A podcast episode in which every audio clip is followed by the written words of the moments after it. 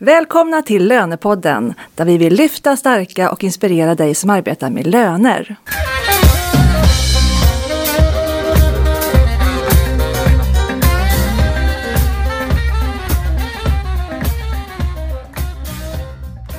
Jag heter Katarina Sand och jag arbetar på Vice Professionals, rekryteringsbyrån inom affärsområdet lön där vi rekryterar lönekompetens och hyr ut lönekonsulter.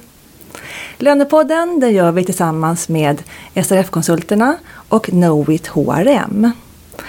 Och idag så ska vi prata om det kittlande ämnet robotisering på lön. Och som bisittare har jag med mig Karin Strindmark på Knowit HRM. Du är VD där. Välkommen! Mm, tackar! Och vår gäst det är Eva Brodin, lönechef på Trafikverket i Borlänge. Välkommen! Mm, tack så mycket! Eva, vi har bjudit in dig för att jag vet att ni har kommit väldigt långt när det gäller robotiseringen på lön. Ni är kanske inte där riktigt än, men snart. Berätta! Ja, snart är vi faktiskt där. Det har varit en, en eh, relativt lång resa tycker jag som har lite dåligt tålamod. Eh, det började väl egentligen för ett år sedan nästan precis ett år sedan, då var Karin på Iterum på lönechefsprogrammet som jag gick där och berättade om just robotisering. Och jag kommer ihåg, då satt vi då tio lönechefer där inne och så Karin pratade och sen var det bara knäpptyst. Och annars var vi ganska så pratiga men då var det knäpptyst och man såg ju alla liksom att det var snurra runt i huvudet på allihopa med liksom vad är det hon säger för någonting? Vad är det här? och, det var liksom, och man såg möjligheter och man började på att spinna igång på det där. Så jag, jag minns att jag gick ut därifrån och så mejlade jag hem till jobbet och sa oh, Wow! Nu ni, nu ni kommer robotarna! Och så här och, och, reaktionen på jobbet hade väl blivit att en del de såg ju liksom framför sig hur exalterad jag var medan att andra tänkte ja, nu blir jag av med jobbet. Mm. Så att um, det var ju det spannet på reaktionen eh, bland kollegorna på jobbet. Och nu ett år senare, var befinner ni er nu i processen? Nu befinner vi oss där att vi i, senare idag ska sparka igång projektet med att implementera en robot. Mm. Vi skulle egentligen ha gjort det, hade vi tänkt, redan vid årsskiftet men när man jobbar på en stor statlig myndighet så är det ganska mycket kring IT-säkerhet och sånt. Så det är inte bara att man får gå ut och handla en, en mjukvara och så får man börja utan det ska göras en massa undersökningar först. Så. Och vad ska denna robot utföra för någonting? Ja, till en början så ska den skriva anställningsbeslut. Eh, vi skriver väldigt mycket anställningsbeslut på en, alltså, i och med att vi är statlig myndighet så måste allting skriva, det måste skrivas beslut på nästan allting. Och det skrivs ja, flera, alltså många tusen beslut varje år som inte är kopplade till en rekrytering. Då, utan det kan vara att man får en ny lön, ny befattning, man byter kostnadsställe, en massa olika saker. Förlängt vikariat, ja, någon ny timanställd och så. Och det här är två, i, i, princip går det åt två heltidstjänster till att skriva de här besluten som inte då är kopplade till rekrytering. Och det har vi tänkt att den här roboten ska göra i första, som första arbetsuppgift. Sen har vi en lång lista med arbetsuppgifter till den här roboten efter det. Har den något namn den här roboten? Ja, den heter Brolle. Brolle, ja, okay. ja vad roligt. Mm. Karin, du jobbar ju med robotisering på visst sätt, eller hur? Ute mm. i olika verksamheter. Vad, du, vad, vad gör du där? det vi jobbar med det är ju det som Eva beskriver. Vi jobbar med att titta på vilka processer kan man robotisera? Eh, vad finns det för vinster på att robotisera någonting? Eh, och det är ju som en, eh, vad ska man säga, eh, Alltså många gånger så säger man det att spara pengar eller vi har flera personer som gör det men argumentationen idag så är ju både det behöver bättre kvalitet, det behöver gå snabbare. Eh, det leverantörerna klarar inte av att bygga ut en viss funktionalitet som man behöver. Eh, då använder vi robotar istället. Så att vi, vi gör det på, av många olika anledningar kan man väl säga. Eh, där de anledningar som Eva säger att det faktiskt finns arbetsuppgifter som man vill ska förbättras, förenklas, gå snabbare. Ja, och eh, framförallt frisätta tid hos ja. oss är det. För det här är en arbetsuppgift som det är inte så många som kan den. Nej. Eh, och då blir det väldigt sårbart när de eh, är sjuka, de har semester eller är borta och det blir speciellt anhopningar ibland. För det är inte så att det här ramlar in i en konstant jämn ström. Utan rätt vad det är så kan det komma en väldigt stor mängd beslut som ska skrivas. Och sen är det väldigt lite en annan period. Och då när det blir väldigt mycket då är det svårt att, att bemanna upp den här arbetsuppgiften. Och vi ser ju det som att ju mer sådana här monotona arbetsuppgifter som vi kan slippa göra ju mer kan vi göra de roligare sakerna, de som skapar mervärde ute i organisationen. Till exempel som vad då? Till exempel som att supporta cheferna mer. Eh, för de ska, ju, de ska ju ha, vi ska ju vara deras stöd eh, i personal och lönefrågor. Och det är inte deras business, de kan inte det. De är duktiga på sin, sitt och ska leverera. Och då ska vi kunna stötta dem så att det här blir så lätt som möjligt Och att finnas där. Och vi har väldigt mycket idéer på vad vi vill göra och, och, vi ser att det här skulle bli jättebra för verksamheten. Men vi, vi kommer aldrig dit, vi har inte tiden. För det är alltid det här löpande. För på lön är det ju väldigt mycket löpande arbete som måste rulla hela tiden. Varje månad, sommar eller vinter. Och då vill vi frigöra den här tiden. Så de här farhågorna som kanske vissa medarbetare fick då när det kom den här idén för ett år sedan. Har de, eh, är de, känner de sig lugna nu menar du då? Att ni har... Ja, jag hoppas mm. det. Mm. Eh, man ska ha stor respekt för att, att arbetsuppgifter kommer att förändras. Så att de arbetsuppgifter man har idag kanske inte finns kvar imorgon. Men det finns andra arbetsuppgifter. Så att vi har ingen som helst ambition att minska på någon bemanning. Det har aldrig varit någon tanke eh, när vi har pratat kring robotisering eller digitalisering utan eh, det är att vi ska frisätta tid till att göra det här som hela tiden säger att om vi hade tid, ja om vi hade haft lite mer tid så skulle vi. Nu vill vi verkligen satsa på det. Mm. Jag tror att vad som har hänt i, i, eh, på lönesidan, som när man har jobbat med det i nästan 20 år, så har vi ju sett att man har effektiviserat, effektiviserat och så var det väldigt, väldigt som slim bemannade på lön. Mm. Eh, så att det här allting extra man skulle vilja göra, man vill gå ut i verksamheten och träffa cheferna, man vill utbilda, man vill liksom, allt det här man ser faktiskt skulle höja kvaliteten i, i underlag och få bättre förståelse i verksamheten varför man måste göra vissa saker. Det har man inte tid med längre. Eh, och det här med roboten är ju inte någonting som gör att man blir den frigör inte som massor med tid på en gång utan den frigör tid över tid kan man säga. Eh, vartefter man implementerar nya processer. Eh, och just det här frigörandet av tid är någonting som, ja, det är argumentet som, som vi hör överallt för att man är redan så tajt bemannade. Mm. Att eh, det inte, finns inte tio personer som att ta av kan man säga och sluta. Mm. Nu är ni ganska stora, hur många är ni på lön på Trafikverket?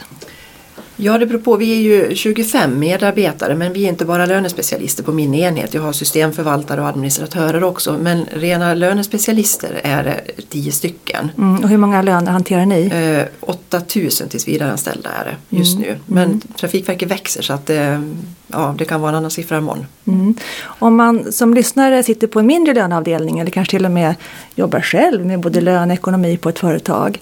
Är det här lika, alltså finns det en möjlighet att få ha en robot där också? Eller är det på en större löneavdelning som det blir en vits liksom, att ha en robot? Alltså jag tror att man kommer börja i de stora men det kommer ju gå neråt hela tiden också och ju mindre man blir desto mer kan man ju prata sårbarhet. Eh, att det finns uppgifter som man, man vill säkerställa att de görs varje månad. Mm. Eh, men jag tror att man börjar i de lite större för där har man sådana volymer. Mm. Eh, så att man ser en effekt i början. Mm. Men roboten, man, man tänker den här lilla liksom manicken på bordet med, med armar och ben men så är det ju inte. Alltså, vad är detta egentligen?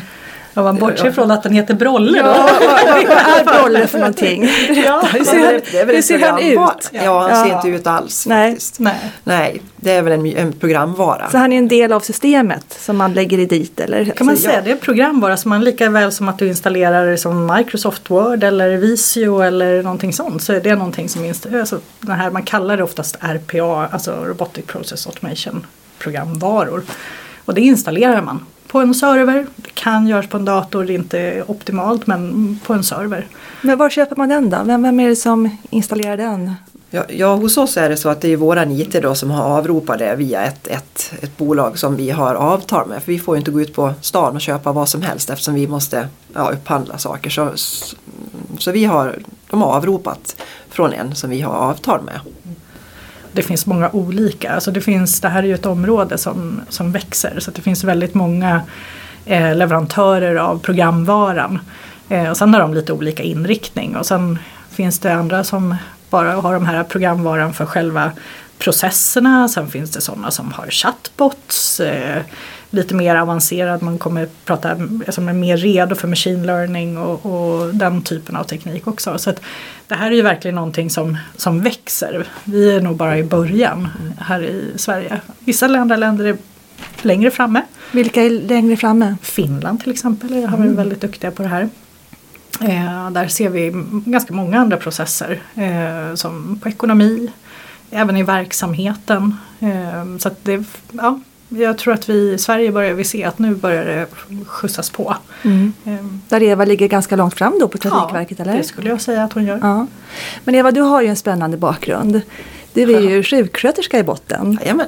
Det är ju ganska så bra. Ja, det är väldigt bra grund att stå på. Så kom du in på lön där någonstans? 99, ja. eller inte på lön, ja på HR kom mm. jag in 99 mm. som projektledare för att införa tvättstugescheman eller önskescheman i vården. Så att eh, det jobbar jag med under något år då med att implementera på landstinget Dalarna. Ganska stort projekt, stort förändring i vården. Då. Eh, sen eh, vart jag kvar faktiskt eh, som systemförvaltare då, utav det här systemet som skötte önskeschemana. Eh, och sen gled jag in där som eh, chef på lön och så ja, det var jag till 2008. Då gick jag på leverantörssidan och jobbade då med det lönesystemet som vi hade på landstinget och så kom jag in i var jag konsultvärlden ett tag men det var inte riktigt min grej att bo på hotell fem dagar i veckan. Jag saknade maken alldeles för mycket.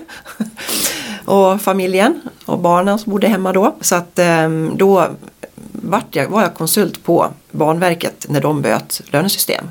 Och sen skulle Trafikverket bildas och då var jag konsult där också och implementerade lönesystemet. Då. Och sen vart jag kvar där.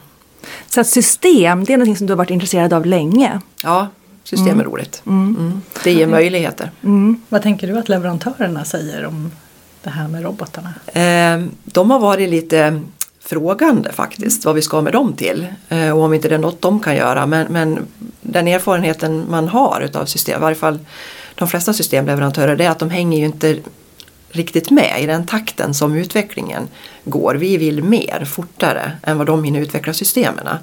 För de har ju naturligtvis sina krav på säkerhet när de gör utvecklingar och så. Så att jag ser det här som med roboten som att man eh, nu kommer den att göra en viss arbetsuppgift men sen kanske systemet kommer att utvecklas så att den arbetsuppgiften blir onödig. Alltså systemet gör det. Ja, men då kan roboten göra en annan arbetsuppgift. Eh, och sen kanske systemet kommer ikapp där också. Ja, då får den göra ytterligare något annat. Så mm. jag tror att robotarna kommer nog att stanna fast systemen har utvecklat sig. Mm. Men hörni, en... vad är det för skillnad på system och robot? Alltså jag förklarar det.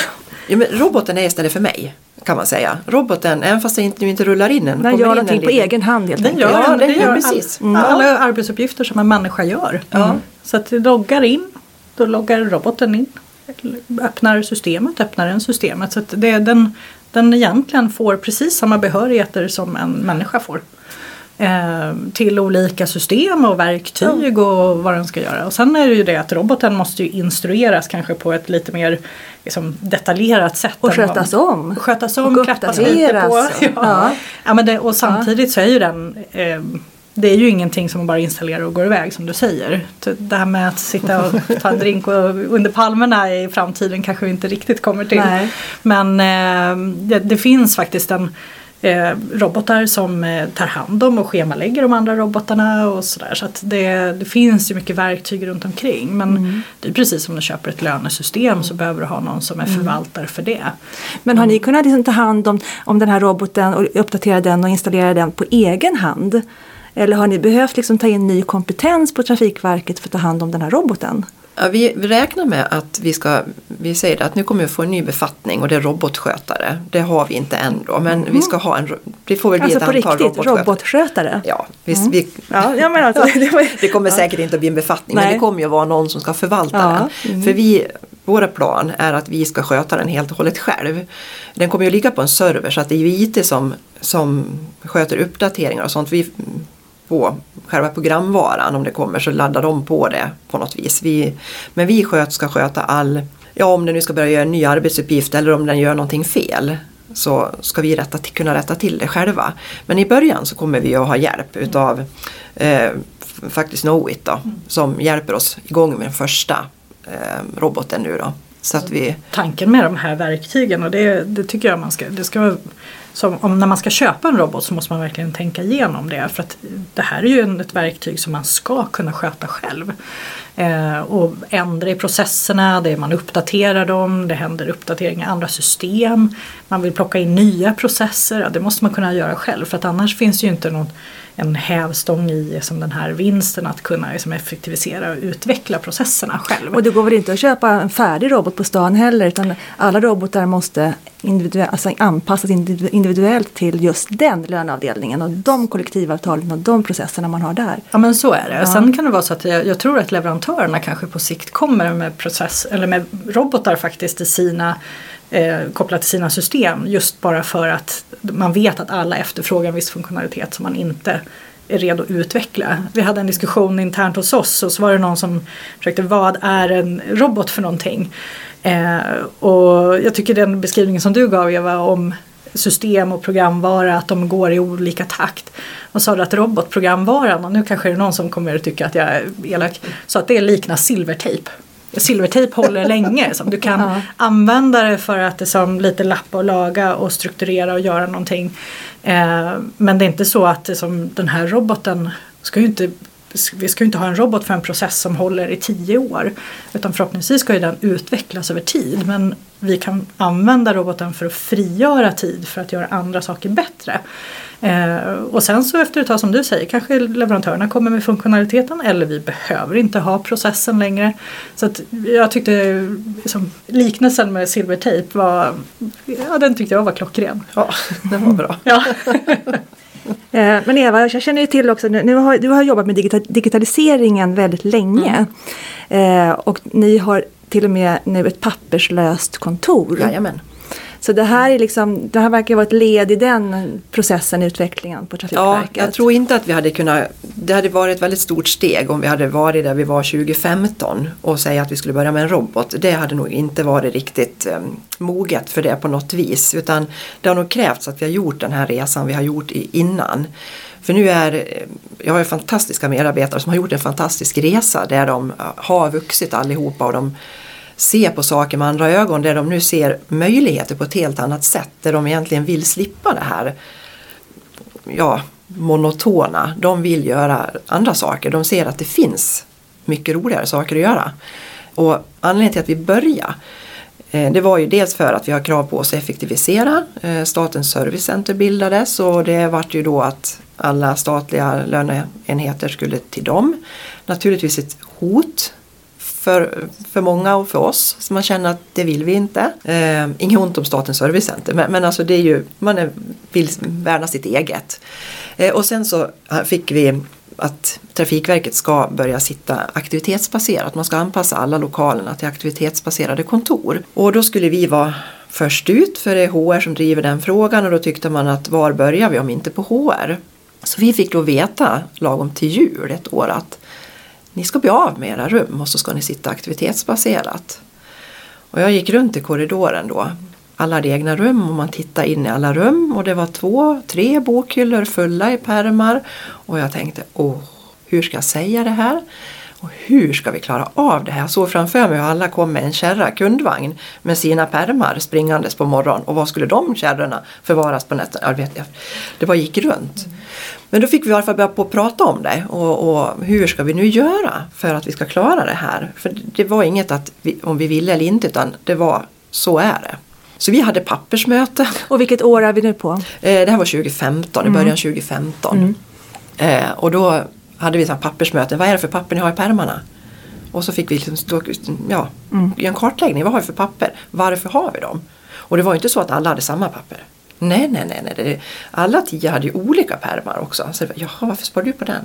Mm. Och du på den? Jaha, varför då? Så det var mycket sådana möten.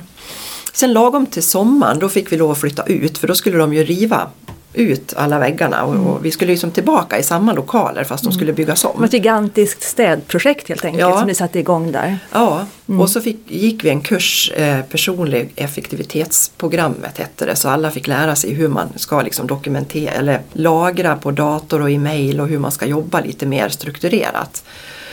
Och sen vart vi evakuerade och då var, hade vi vi tyckte inte det var tur då men i efterhand så var det väldigt bra för vi kom utspridda då på Trafikverket. Vi fick plats där det fanns lediga platser. Det var inte så att hela lön satt på ett ställe utan vi vart utspridda. Och då vart det väldigt besvärligt det här med papper. Eh, för då vart det helt plötsligt ett ganska stort område att leta papper på.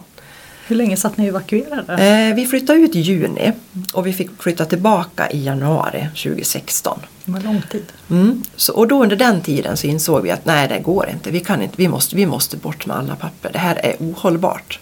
Och då eh, kom kreativiteten hos allihopa där man verkligen började tänka, hur kan vi göra för att få bort de här papperna? Hur kan vi göra istället? Och så började man titta på alla möjliga olika sätt och vi skaffade ett ärendehanteringssystem. Och vi försökte få bort vissa papper och göra saker digitalt istället. Och också förändra yrkesrollen på lön. Ja. Det kom väl med det också? Ja, för i samband med det här då så då eh, insåg ju, eller jag hade ju ansett att vi haft ett problem med snedbelastning. Där vissa hade väldigt tungt område, andra hade lite lättare område. Och det var sårbart när någon var borta för då hade man som traditionellt sina egna löner. Att nu, det här är mina löner och jag gör allt från ax till limpa. Och jag hade ingen koll på egentligen hur mycket jobb är det? Hur mycket ärenden kommer in? Och vad gör den här personen kontra den här personen? Och backuperna var ju, blir ju sårbart när någon är borta och gick du på ledigt och kom tillbaka så var det ju högar med arbete när du kom efter semester eller sjukdom.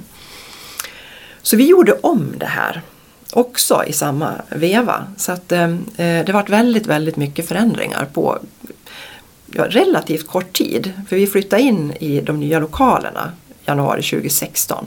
Januari 2017 böt vi helt arbetssätt. Så nu har ingen sina egna löner längre. Utan vi jobbar, vi har använt, jobbat med lean då, så att vi har vi mäter aktiviteter och bemannar utifrån hur många av vissa arbetsuppgifter det finns och sätter in bemanning på det viset. Har delat upp personalen i två team så att det här teamet tillsammans ansvarar då för halva Trafikverket och det andra teamet ansvarar för den andra halvan. Och så fördelar man arbetsuppgifterna. Allt har kommit upp till, ligger synligt vilka ärenden vi har och alla processer är väldigt synliga. Vi, alla måste göra på samma sätt. Du ska inte på en en chef ska inte få en slattrig korv och den andra ska få en jätteglad fin korv med räksallad utan det är samma leverans till alla. Så robotiseringen är egentligen en ganska naturlig Ja. fortsättning på, på vad ni har hållit på med ganska länge. Ja, Men vad har varit den största utmaningen i det här? I, och släppa från- sina löner. släppa sina löner. Ja. Inte att flytta eller aktivitetsbaserat Nej. utan det är Släppa sina löner har nog varit det största. Aktivitetsbaserat var jobbigt eh, men det här när vi började på ändra arbetssätt var värre. Sen kan det vara också att det gick så tätt. Så att då hade man gjort en jobbig resa och sen så kommer att man ska byta arbetssätt också. Att ja, det var lite tätt, man hann inte hämta andan riktigt emellan. Men de har varit otroliga. Det är alltså, Ni alla kvar? nej, Nej. vi har förlorat en medarbetare på grund av lokalerna och en på grund av arbetssättet. Men eh, det, det får man eh, ta, det kan liksom hända, det passar inte alla att jobba så här. Det är ju väldigt stor skillnad i, om man jobbar i en stor verksamhet eller liten. Ja. Som, oftast är det de som vill ha sina egna löner och jobba väldigt brett. De går ju oftast till, till mindre verksamheter. Det är ju Och- där man Och nu har vi ingen, ja och nu har vi, det är inte sårbart alls nu. Det är, någon kan vara borta, det är inga problem. Man går på ledigt och kommer tillbaka, det finns inga högar som väntar. Det tycker man är väldigt skönt. Och just den här tryggheten att vi har kontroll. Det är ingenting som ramlar mellan stolarna. Och det är nu man ser också, för då har vi aktiviteterna på en, en, en lintavla, en digital lintavla såklart. Eh, och då ser man ju där vilka aktiviteter det är som ingen vill ha. Det är ju de monotona och det är de vi tänker att om vi lägger en robot på dem så minskar vi på det som man faktiskt helst inte vill jobba med. Och så kan man istället få jobba med det som man vill jobba med. Så man, att, kan, eh, man kan ju säga det att vi, när vi, har spelat, när vi gör robotar så spelar vi ju in dem också. Ena är ju i processen när man ska skapa, så spelar man in dem för att sätta upp processerna. Eh, och sen hade vi ett frukostseminarium här för ett tag sedan där vi spelade in en färdig robot. Och när vi tittar på den, den inspelade versionen som var sex minuter lång eller något sånt där. Så var ju den vansinnigt tråkig. Det, det är ju inte en film som är speciellt upphetsande att titta på. Eh, och det vi kunde konstatera det var ju det att den här den gick ju i realtid filmen. Så att alla gånger där man upplever att roboten nästan står stilla, man undrar om det händer någonting. Det är, man sitter och väntar på svarstiderna i HR-systemet eller i ärendehanteringssystemet och så vidare. Så att det är inte så att, att det är roboten som tar tid på sig utan det här är som faktiskt tid som medarbetarna sitter och väntar på att få reaktion från systemet. Mm. Och då insåg man där att det är ganska mycket tid som går att bara sitta och vänta. Mm. Så att det, det, jag förstår att det inte är roliga arbetsuppgifter. Mm. Och det tänker man inte så mycket på när någon sitter, att det blir den här väntetiden. Men det blir väldigt tydligt mm. när man såg en inspelning när en robot sitter och väntar. Mm. När man liksom tittar på en film på ett flöde så. Mm. Och var då också avbruten som medarbetare och måste starta om eller så kan det börja från början. Ja. Så. Mm. Okej, okay, ja, vad roligt. Mm. Mm. Så det ska bli väldigt spännande med roboten och det, det tycker alla nu men, men jag tror att mm. hade jag kommit med det 2015 så hade det inte gått eh, Nej, för ni. Ni är liksom en förändringsbenägen ja. organisation och du är väldigt, liksom, ligger i framkant där och har drivit svåra, genom svåra förändringar så det här var liksom det kändes kanske ganska naturligt att ta ja. det här steget. Och jag tror inte att det här känns som en så stor förändring. Nej.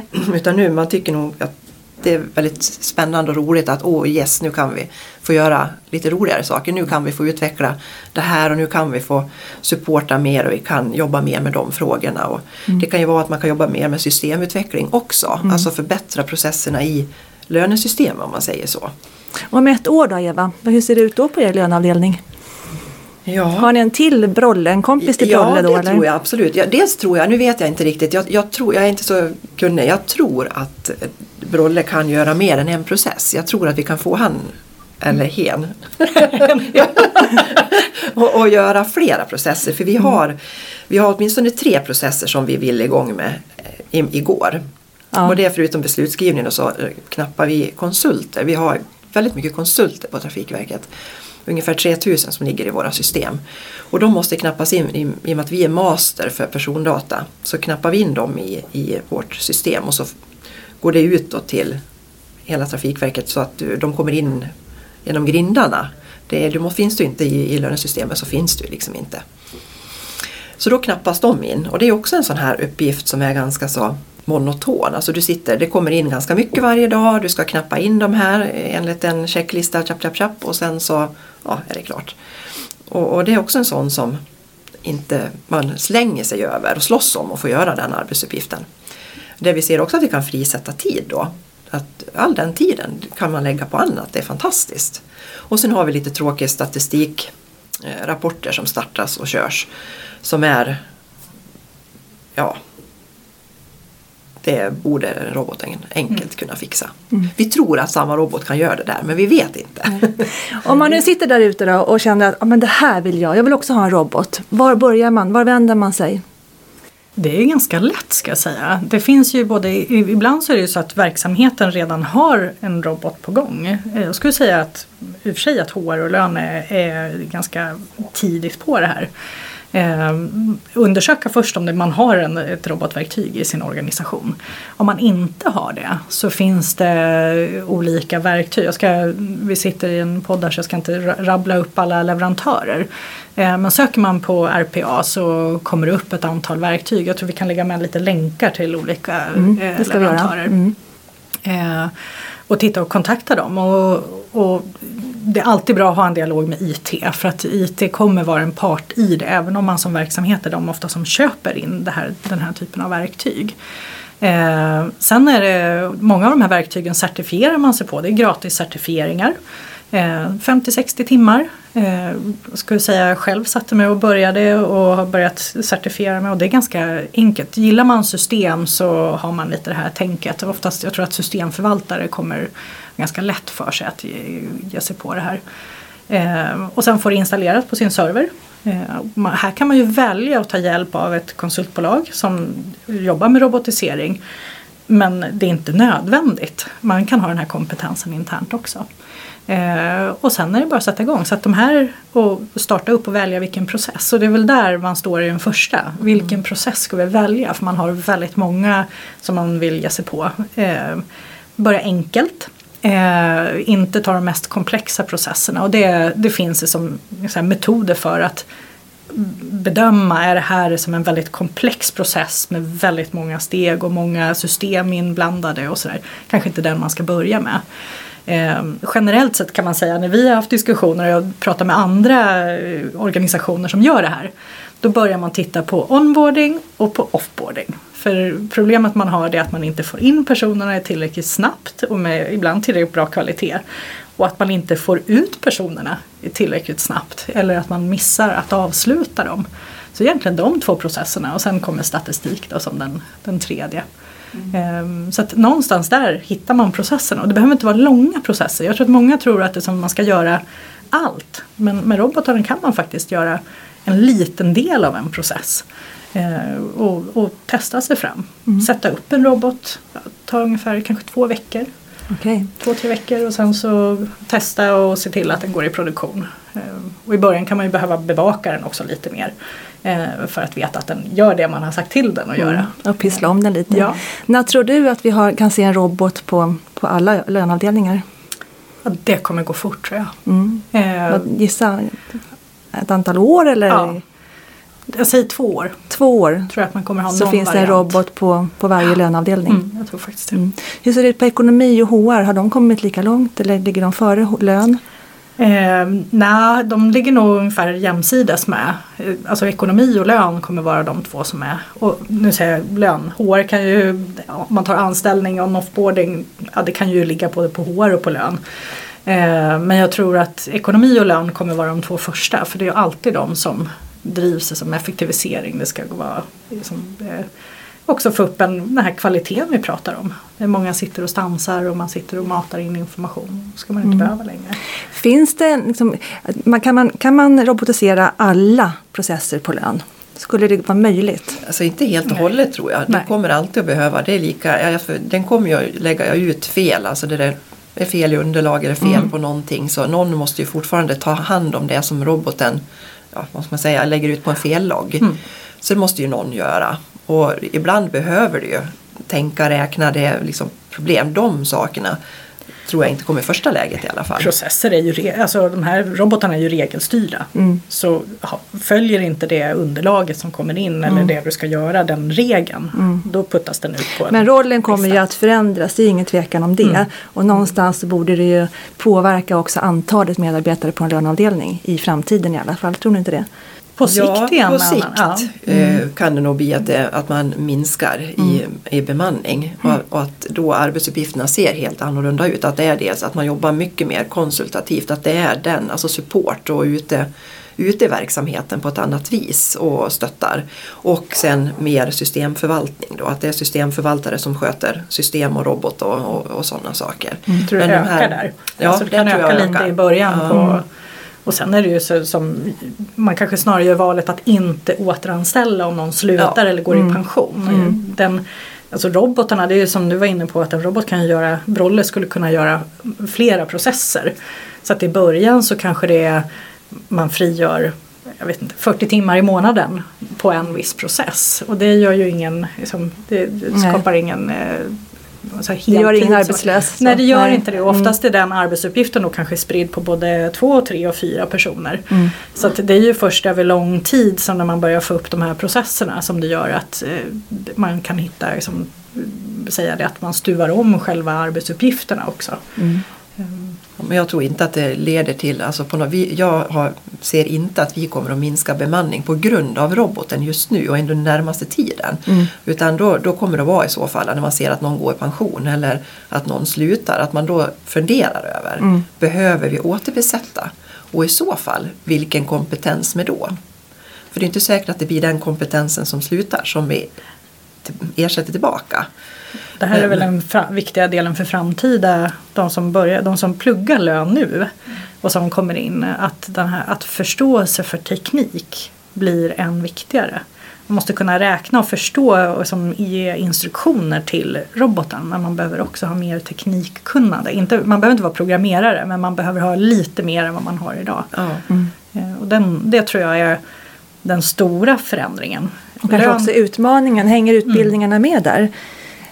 Jag tror det börjar. Man Mm. börjar få en förståelse för det. Sen är ju robotverktygen är så pass nya på lön ska jag säga. Mm. Så att det inte är på HR. Eh, så att jag tror inte, vi är inte riktigt där än. Nej. Jag tror vi har haft full sjå att bara få lönekonsulterna att eh, vara intresserade av systemfrågor. Alltså HR-system, lönesystem, tidssystem. Så att jag tror att det här är, ett, det här är någonting som måste eh, jobbas in. Men som jag sa, certifieringarna på de här verktygen är ju ganska korta. Vi pratar ju inte om ett års utbildning utan har man intresset så kan man faktiskt gå in på en del av de här hemsidorna och, och både ladda ner en, en testrobot som man sen kan sätta sig och certifiera och programmera själv under tiden. Så att vi pratar ju inte långa utbildningar för det här. Nej. Jättespännande. Sen tycker jag ju löneutbildningarna de har ju anpassat sig lite grann till det här med det här konsultativa arbetssättet och att du ska supporta och att det är väldigt mycket kundbemötande och sådana saker. Kunna vara pedagogisk och förklara eh, mot att kunna läsa och det är väldigt mycket eget tänkande. Även fast vi jobbar väldigt standardiserat så måste du fortfarande kunna tänka väldigt mycket och förstå bakomliggande processen och veta varför saker är för att sen kunna förmedla det på ett pedagogiskt sätt. Ja det är inte, Nej. men det kommer ske förändringar. Jag vet att när vi sågs för ett år sedan och pratade om det här. Jag trodde ju att ni tänkte att åh det här var ett tråkigt ämne när ni blev tysta. sen skulle ta slut. Men jag ser ju att intresset för att eh, jobba med, med robotar, att man ser möjligheterna snarare än att se det som ett hot. Eh, Det, det är väl det som kommer driva på intresset också. Och sen är det ju många idag, de är teknikintresserade och kunniga. Så att jag tror att det här är, och jag upplever att löneavdelningen är på. Man vill göra det här för man ser sådana möjligheter.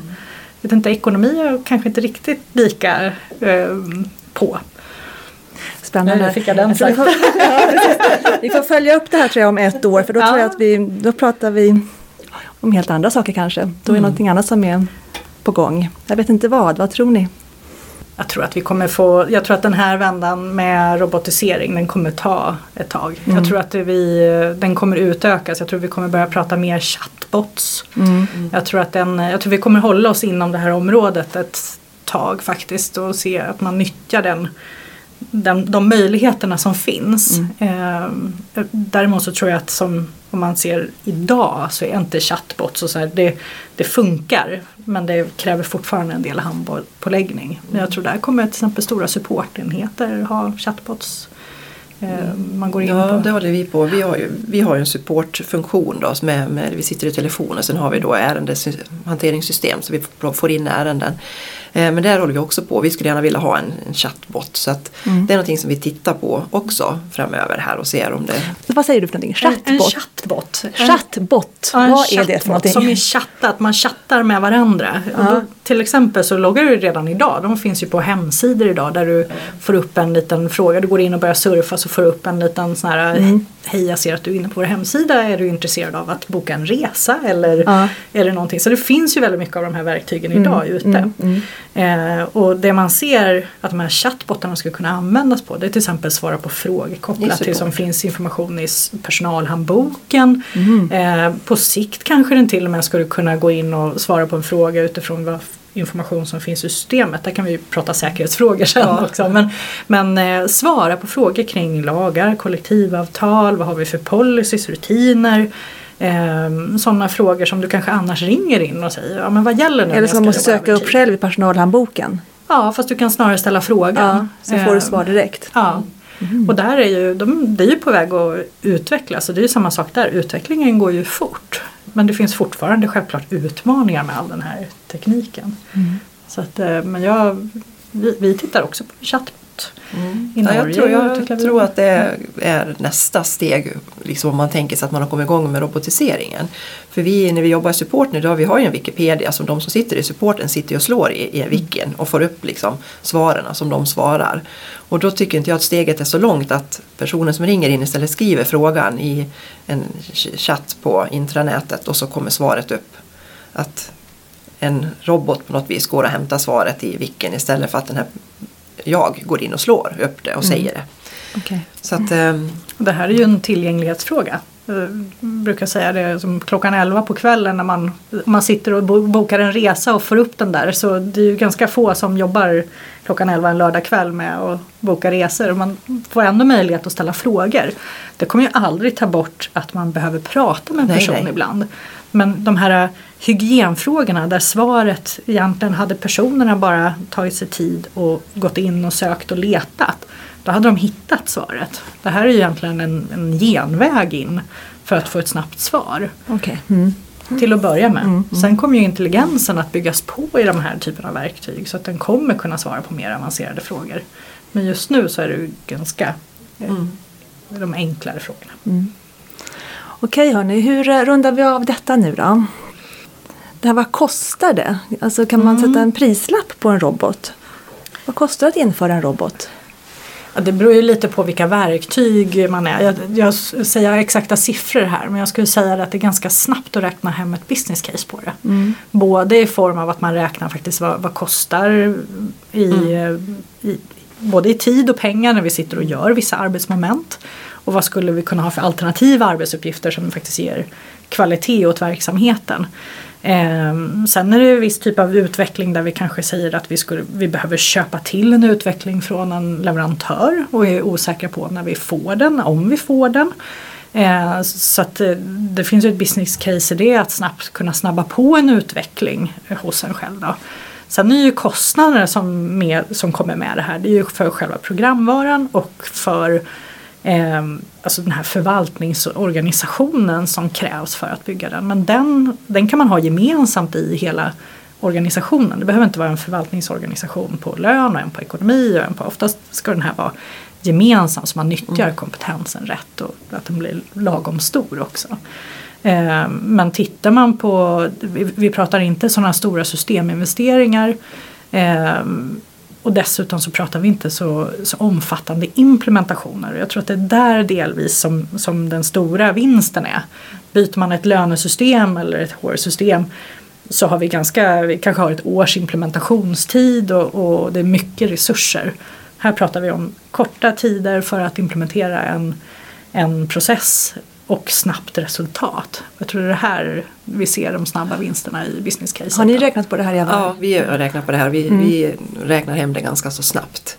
Och vad är snabbt i, i det här alltså sammanhanget? direkt i Ja, princip. direkt. För, för jag står i- just nu, i och med att vi är lite sena så har vi, är det lite jobbigt just nu. För jag skulle behöva ha rekryterat två personer till egentligen för administrativa arbetsuppgifter.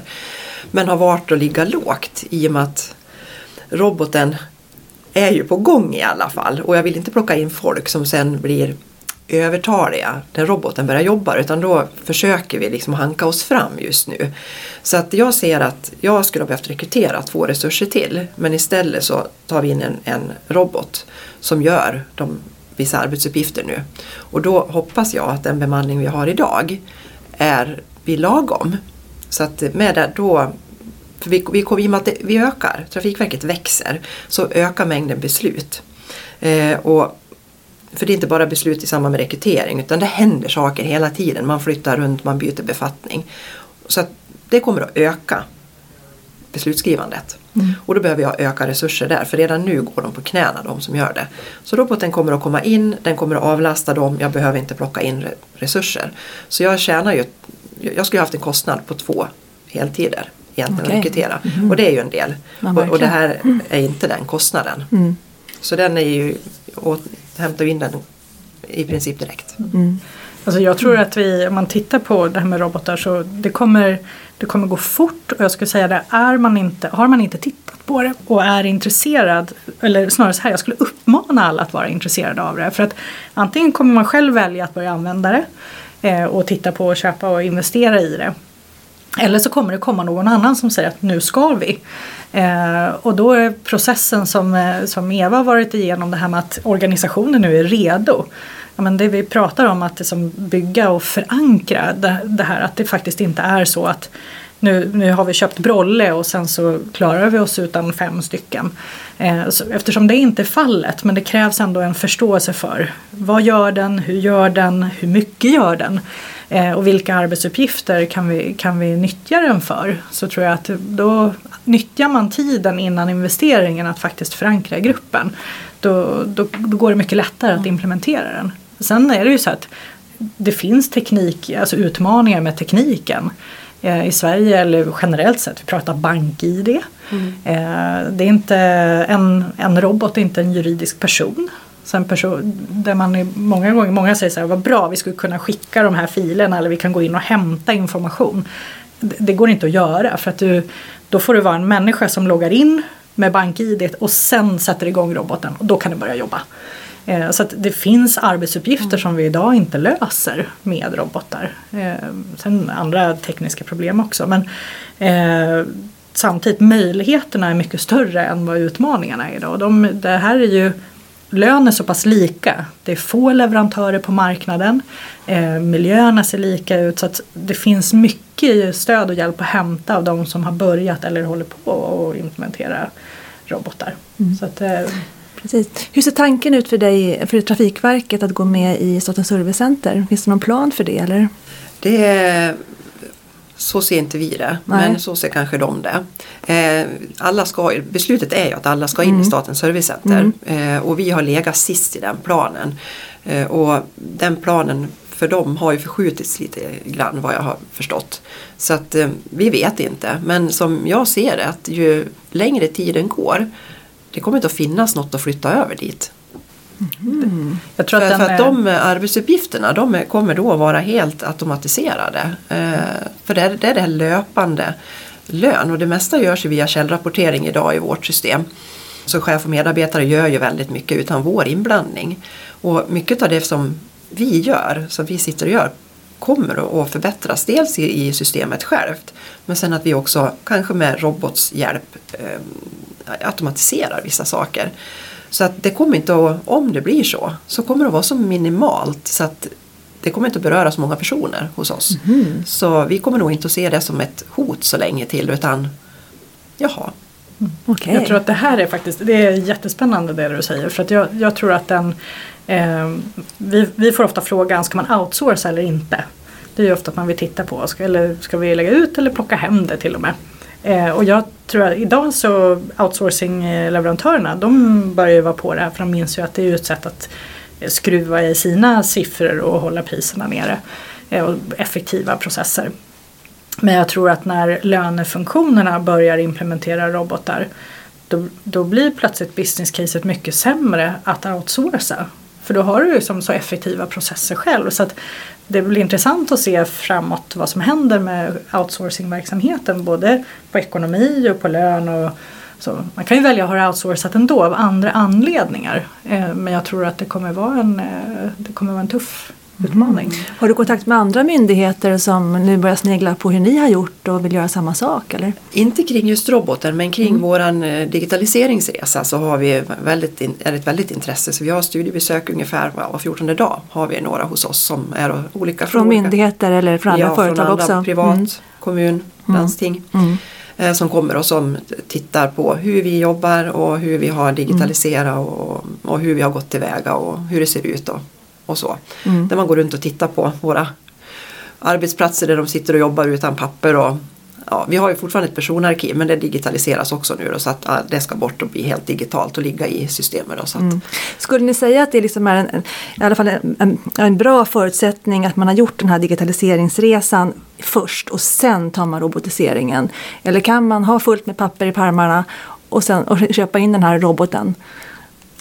Jag tror att det finns en... Eh, Bör man vara papperslös Vissa saker först? kan man göra parallellt. Ja, man kan göra allt samtidigt. Ja, mm. Vissa saker driver ju till exempel, ska du få in eh, du vill ha korrekta underlag in, ja men då måste du kanske driva och förbättra eh, att du har bättre formulär eller att du har eh, som mallar som är styrda. Alltså de här verktygen kan ju gå in och läsa till exempel pdf-format bara de är uppstyrda på, på, så att man läser på samma ställe och så vidare. Eh, sen den läser ju inte ett fysiskt papper så det måste ju finnas inskannat eller nersparat på något sätt för att du ska kunna ta emot det. Mm. Men, men, jag tror att eh, det man kommer se när man implementerar roboten det är att ja, men det blev ännu bättre om vi drev den här liksom, förbättringen av inflödet av mm. information. Mm. Alla förändringsresor gör ju lite ont. Det är inte ja. helt lätt att göra en sån här stor förändringsresa Eva som du har gjort på Trafikverket. Vad skulle du vilja skicka med som liksom, tips och råd till den som ska starta den här, den här processen som du har gjort? Mm. Hur ska man lyckas med, med, med en sån här stor förändring? Eh, man bör vara ganska så lyhörd för medarbetarna. Eh, även fast det är en, en tuff resa så, så och man måste ju driva den. Du kommer inte att få alla som står och jublar. Det är obekvämt och det gör ont både för dem och för, för dig som chef att driva en sån här förändring. För att man är ju inte precis den de jublar när de ser i korridoren ett, en period. Eh, och det måste man vara införstådd med. Och det jag önskar att jag hade gjort i ett tidigare skede det var att plocka in en coach som jobbar med just med det här, hur, vad händer med mig i en förändring? Och det kanske man kan klara själv men jag har inte den kompetensen att jag kan jobba med min grupp. Att eh, nu reagerar vi så här i förändring och, och nu alltså, ja, jobba med de mjuka värdena. Eh, där plockar vi lite sent in eh, den kompetensen. Det borde vi ha gjort tidigare och egentligen borde man börja med det innan.